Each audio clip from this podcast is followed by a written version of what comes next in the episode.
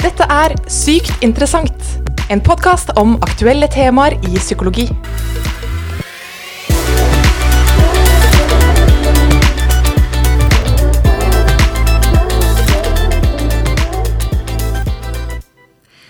Hei og velkommen til en ny episode av Sykt interessant.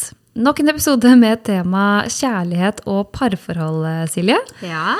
Det er ikke til å legge skjul på at uh, vi begge synes jo dette er interessant. da, Å ta et uh, dypdykk inn i de psykologiske mekanismene ved relasjoner. Og ikke minst så vet vi jo at et godt samliv er viktig da, for psykisk helse. Og for å få et godt samliv så må vi jo forstå hverandre og forstå hverandres behov. Så i denne episoden her så skal vi ta for oss temaet kjærlighetsspråk.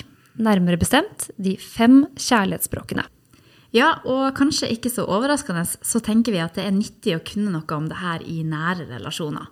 Enten det er med en partner eller en god venn. Men før vi går i gang med dagens tema, så har vi jo en aldri så liten fast spalte, Mette. Yes, sykt nysgjerrig. Yes. Og eh, i dag så tror jeg vi kjører spalta på deg, rett og slett. Ja, det er greit. Da lurer jeg på, hva innen psykologi driver du på med? Jeg jobber jo da fortsatt som høyskolelektor her på høyskolen, så jeg underviser i psykologi. Hovedsakelig innføring i generell psykologi og psykisk helse i barnehagen. Ellers så driver jeg også med å utvikle fag og lage podkast. Ja, det er en eh, fin kombinasjon av ulike psykologiting, rett og slett. Absolutt. Hva ville du ikke klart deg uten? Sist så tar jeg jo kaffe, og det er veldig sant. Eh, Så denne gangen må jeg finne på noe annet, og da tror jeg jeg må si musikk. Ja. Elsker å høre på musikk. Så du gleder deg kanskje til konsertene blir en mulighet igjen? Ja, jeg gjør det. Mm. Siste spørsmål knytta opp til dagens tema. Og nå skal jeg bli litt direkte her, men eh, hva tror du er ditt kjærlighetsspråk, Mette? Oi, nå har vi jo ikke gått igjennom de enda, men eh, det er nok eh, anerkjennende ord som vi kommer da tilbake til. Ja. Mm. Jeg liker å, å både gi, altså fortelle, fortelle folk at jeg er glad i dem, og få høre det selv. ja. Ja. Så fint. Da tror jeg vi bare kjører på med dagens episode.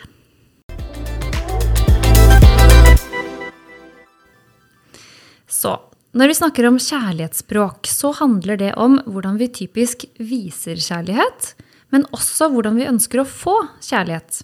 Så altså eh, måter vi typisk liker å gi, men også motta kjærlighet. Og det eh, man har funnet ut, er at dette varierer fra person til person. Og det var psykologen Gary Chapman som introduserte dette i boken eh, 'Kjærlighetens fem språk'. Hvordan uttrykke hjertevarme overfor den du er glad i. Og den boken her den ble gitt ut i eh, 2001, og den har solgt altså så godt siden den gang. Og det må jo da være et tegn på at eh, folk syns dette er interessant, da. Og poenget med den boken, det var å gjøre par eh, oppmerksomme på at vi har forskjellige språk for kjærlighet. Og da på den måten bli bedre til å kommunisere følelser og behov med hverandre. Så da tenker jeg at det er på tide å presentere da, disse fem eh, kjærlighetsspråkene. Eh, og underveis så kan jo du som lytter gjerne tenke over hva ditt primære kjærlighetsspråk er, eller en eventuell partner. Så eh, vil du starte med et av de fem, eh, Silje? Ja, vi kan eh, starte med anerkjennende ord som det første språket. Og for de som har anerkjennende ord som sitt kjærlighetsspråk, så trenger man, eller ønsker en gjerne, å høre at man er ønska og likt av partneren sin. Og det her kan jo handle om å høre at man er likt pga. personligheter eller handlinger, holdninger, verdier. Også utseende tror jeg kan være en, en fin ting for mange å høre om, da. Så dette kan jo, det her type kjærlighetsspråket kan jo være med på å fylle et behov om å få bekrefta sånn rent verbalt da, at partner eh, støtter deg, eller at du kjenner at du blir likt av partneren din. Så om man har en partner som trenger anerkjennende ord, så er det ofte ikke nok med disse tause handlingene for å fylle opp nettopp de behovene som man har. Og eksempler på måter å gi anerkjennende ord på kan jo være en hyggelig snap ut av intet, eller det at man faktisk bare forteller partneren sin hva man liker med henne, eller hva hen har gjort eller gitt deg. Så det trenger ikke være så store kjærlighetserklæringer akkurat, men bare f.eks.: eh, 'Takk for at vi hadde en fin kveld eh, i går'. Ja, nettopp. Så anerkjennende ord, altså. Mm. Og neste kjærlighetsspråk, det er tid. Så de som har tid som sitt eh, kjærlighetsspråk, de eh, gir og ønsker å sette av tid til hverandre. Så det å prioritere partneren sin, rett og slett. Gjerne da å sette av kvalitetstid til hverandre. F.eks. på fritiden, at man da prioriterer at 'å, jeg er sammen med deg på, på min fritid'. Kanskje sette av litt tid i arbeidsdagen for å ta en telefon, eller sette av tid til å sende en melding, da. Så man viser av kjærlighet ved at man bruker sin egen tid på den man er glad i. Og så gjelder jo på en måte ikke det helt hvis man f.eks. bor i samme leilighet og på en måte bare er sammen eh, uten å gi måte oppmerksomhet til hverandre. Mm, det er en forskjell der. Det er det, så det å faktisk eh, være oppmerksomme på hverandre og, og bruke tiden sammen, det er jo eh, ja, litt viktig i dette her, da. Sånn at man på en måte erkjenner at jeg vil og ønsker å bruke min tid eh, sammen med deg. Ikke bare sitte på telefonen i sofaen, eh, f.eks. Eh, Så ja, det kan jo være også uten å prate. At man bare sitter sammen og ser en film, men da at begge er enige om at dette her, det gjør vi sammen. Ja. Mm. Og så for å gå videre til et neste kjærlighetsspråk, så har vi altså gaver. Som innebærer det her med å gi en oppmerksomhet. Og dette kan jo være små eller store, kostbare eller mindre kostbare, eller helt enkle ting, rett og slett. Og man kan gi en ting, men man kan også gi et minne, eller man kan gi av seg selv. Så en gave kan jo være veldig, veldig mye. Og gaver, når vi snakker om det som et kjærlighetsspråk, så handler det jo her om en måte å uttrykke kjærlighet på. Altså ikke en gave som man uttrykker eller gir for å få noe tilbake nødvendigvis. Og eksempler på det her kan jo være at man gir favorittsjokoladen, eller den klassiske blomsterbuketten, eller en annen ting du vet partneren har ønska seg lenge, eller kort tid for så vidt. Eh, og at dette kan si mer enn mange ord, da. Og hvor mottakeren da er en person som, som kanskje verdsetter sånne gaver eh, som tegn på kjærlighet. Mm. Jeg sa jo innledningsvis at jeg hadde anerkjennende ord, men når du sier favorittsjokoladen, så må jeg jo si at det frister, det også. ok, så neste eh, kjærlighetsspråk, det er vel det fjerde, det er tjenester. Og de som har eh, tjenester som sitt kjærlighetsspråk, de viser og ønsker da eh, tjenester i form av at partneren gjør noe for deg. F.eks. at man eh, tar oppvasken eller handler inn mat, lager middag, reparerer noe. Altså noe som eh, en eller annen tjeneste, da. Og dette her bør jo skje da på eget initiativ. For det å be om at noen skal gjøre noe, det er jo så klart ikke like effektfullt. Nei. Så det må jo skje genuint, da. Um, og at man ønsker da å gjøre denne tjenesten for å, å sette pris på partner. Og jeg hørte en gang at eh, hvis eh, menn bare hadde tatt oppvasken og ryddet eh, uoppfordret, så hadde mange forhold blitt reddet. og det de mente med det, er jo at mange kvinner kanskje opplever å bli litt sånn masete og lite tilfreds, da. Fordi at de ofte har kjærlighet, eller tjenester som sitt kjærlighetsspråk, men ikke alltid får det oppfylt fordi mannen kanskje viser kjærlighet på andre måter. Men altså, dette er veldig satt på spissen, og jeg tror at det varierer mer innad i kjønn enn på tvers av kjønn. Eh, Men kanskje det er noe i det. Altså at det i bunn og grunn handler om et ønske om at partneren skal forstå hva man faktisk setter pris på, og hvilke behov man har. Ja, ikke sant? Ja. Og så er vi jo da kommet faktisk til det siste kjærlighetsspråket, og det er fysisk nærhet som kjærlighetsspråk. Og de som foretrekker dette språket, de foretrekker ofte at kjærlighet blir gitt via bare det å være fysisk nær. Og det kan jo være så mangt, altså. Det kan jo være å sitte nært hverandre i sofaen, det kan handle om berøring, eller det kan handle om seksuell kontakt. Og denne fysiske nærheten blir da en veldig viktig del av parforholdet hvis det er et av de sentrale kjærlighetsspråkene til en av de som er i det forholdet. Da. Og om denne fysiske nærheten uteblir, så kan man kanskje føle på en sånn mangelfull opplevelse av å ha blitt sett eller anerkjent. Og jeg tror, tror nok man kan kjenne litt på den følelsen av å bli avvist, hvis det uteblir, da. Ja. ja, så dette var altså de fem kjærlighetsspråkene. Anerkjennende ord, tid, fysisk kontakt, eh, tjenester og Gaver! gaver var det siste. Som er altså måter man enten liker å gi eller å motta kjærlighet på. Og alle har jo da mer eller mindre av disse kjærlighetsspråkene. Men ofte så har man da ett som er mer dominerende. Og ved å være bevisst på sitt eget og partneren sitt eh, kjærlighetsspråk, så kan du bli litt bedre på å nå fram da, med den omsorgen og kjærligheten som man ønsker å gi. Og ikke minst få sine egne behov eh, oppfylt.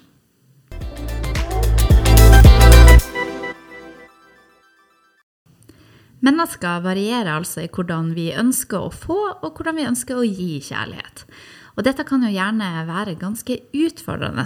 At vi kanskje har en partner som f.eks. har én måte å kommunisere kjærlighet på, enn det vi kanskje selv har behov for. Ja, f.eks. at den ene ønsker fysisk nærhet, mens den andre stadig gir fine gaver for å vise kjærlighet. Og man kan for all del sette pris på gaver og bli glad for det, altså. Men om det ikke er det primære kjærlighetsspråket man ønsker, så gjør jo ikke gaven at man føler seg elsket og sett. Og det er jo uheldig for begge parter. Og ofte er det sånn at man gir det man selv liker å få. Og tanken og intensjonen er jo god, men det er ikke nødvendigvis det partner ønsker og føler seg elsket av. Mm, ja, nettopp. Intensjonen kan jo være så god, men så treffer det liksom ikke helt likevel. Om jeg tenker at jeg gir partneren min masse kjærlighet gjennom anerkjennende ord, fordi det er det kjærlighetsspråket jeg kanskje liker å få, så kan en jo bli ganske forvirra og kanskje litt fortvilt om partneren min da påstår at jeg ikke er så flink til å vise kjærlighet. Kanskje jeg til og med blir eh, sint fordi jeg tenker at partneren min ikke setter pris på alt jeg gjør med mine flotte, anerkjennende ord. Mm. Ja, det er jo sikkert ganske fortvilende også, men samtidig også forståelig. For her har vi alle ett og samme behov. Nettopp å bli sett og anerkjent av partneren sin. Men så er måten å dekke det behovet ulikt, da. Det er jo ikke rart det blir misforståelser. Nei, og for å gjøre det hele, enda mer eh, komplisert, så er det jo heller ikke så sjelden at en person har en tendens til å ha to ulike kjærlighetsspråk for hva man er mest komfortabel med å uttrykke seg med, og selv motta. Altså at en person kan kanskje foretrekke å uttrykke kjærlighet med ett av kjærlighetsspråkene, men så samtidig foretrekke å motta kjærlighet gjennom et annet. Ja, nettopp at man har forskjellige kjærlighetsspråk for hva man liker å, å gi og, og motta. Ja. For eksempel om en person liker å uttrykke kjærlighet overfor partneren med anerkjennende ord, så er det jo ikke sikkert at det er anerkjennende ord partneren vil ha tilbake. Nei, ikke sant? Og det her kan jo være litt kompliserte greier, og absolutt ikke noe som er så selvsagt. Og det kan jo skape rom for fortvilelse. Det tror jeg vi alle kan være enig i. Og noen ganger så hadde det nok vært digg om vi alle kom med en form for bruksanvisning. Altså, denne personen trenger denne type kjærlighet, og denne personen uttrykker seg også gjerne gjennom kjærlighet av denne typen. Ja, det hadde virkelig vært noe. Men selv om dette kan høres komplisert ut, så er det jo faktisk en del ting en kan gjøre for at det ikke trenger å være så komplisert. Så f.eks. å snakke om det slik, man, slik at man blir da oppmerksom da, på egen og partners eh, kjærlighetsspråk. Mm, ja. Vi har jo slått et slag for dette før, Mette, og vi gjør det igjen. Kommunikasjon. Yes. Selv om vi gjerne skulle ønske at partner kunne tolka seg frem til hva som er riktig måte å snakke kjærlighet på, så er det nå engang slik at eh, man kan ikke lukte seg til eller tenke seg til eh, hva slags kjærlighetsspråk man har. Så denne type kommunikasjon som består av tankelesing og, og lukting og gjetting, som vi kanskje ofte har en tendens til å gjøre, det, det blir bare gjetting. Ja, Ja. Det kommer vi ikke så langt med. Nei, det er sant. Eh, Så ved å bli klar over vårt eget og partnerens kjærlighetsspråk, så kan vi jo bli på en måte mer flerspråklig, rett og slett. Ja, altså, Ta eksempel et fiktivt par. Vi har Johannes og Line. Og om Johannes vet at partneren Line trenger anerkjennende ord, så vil det kanskje også bli mer meningsfullt for Johannes å kunne tilpasse sitt kjærlighetsspråk til Line. For noe av dette handler jo om å tilpasse seg hverandre også, faktisk. At man i et parforhold kan kommunisere hva enhver trenger, og da også kanskje etterstrebe å gi det partneren faktisk trenger eller ønsker, da. Ja. ja, for nå er det kanskje noen som lurer litt på må det være en match mellom mitt kjærlighetsspråk og partneren sitt. Alt sammen bør ha det samme da, for å faktisk fungere i et parforhold. Men nei, man trenger ikke det, så lenge dere er villige til å lytte på hverandre og prøve å gi hverandre det, det en trenger, da. Mm. Gi partneren din en mulighet til å vite, rett og slett. På samme måte som det er enklere for oss å vite hvordan vi skal vaske den ullgenseren, f.eks. når det står tydelig ullprogram på vaskelappen, fremfor å skulle gjette oss frem på, til hvilket som helst vaskeprogram for den eh, ullgenseren. Altså, dette er et eh, et, et, eksempel fra virkelig liv. Altså. Jeg har prøvd å vaske ullgenser på, på gjetting, og det fungerer sjelden bra, altså. Jeg er helt enig, det fungerer ikke bra. Så gi og ta, men, men, snakk gjerne om det. Sett deg ned med partneren din og vær nysgjerrig da, på hva han eller hun tenker om sitt, sitt kjærlighetsspråk. Og så kan du spørre hva, hva den partneren også tror er ditt kjærlighetsspråk. Så, så, kan man også gjette litt av hva tror du ut fra disse fem eh, kjærlighetsspråkene.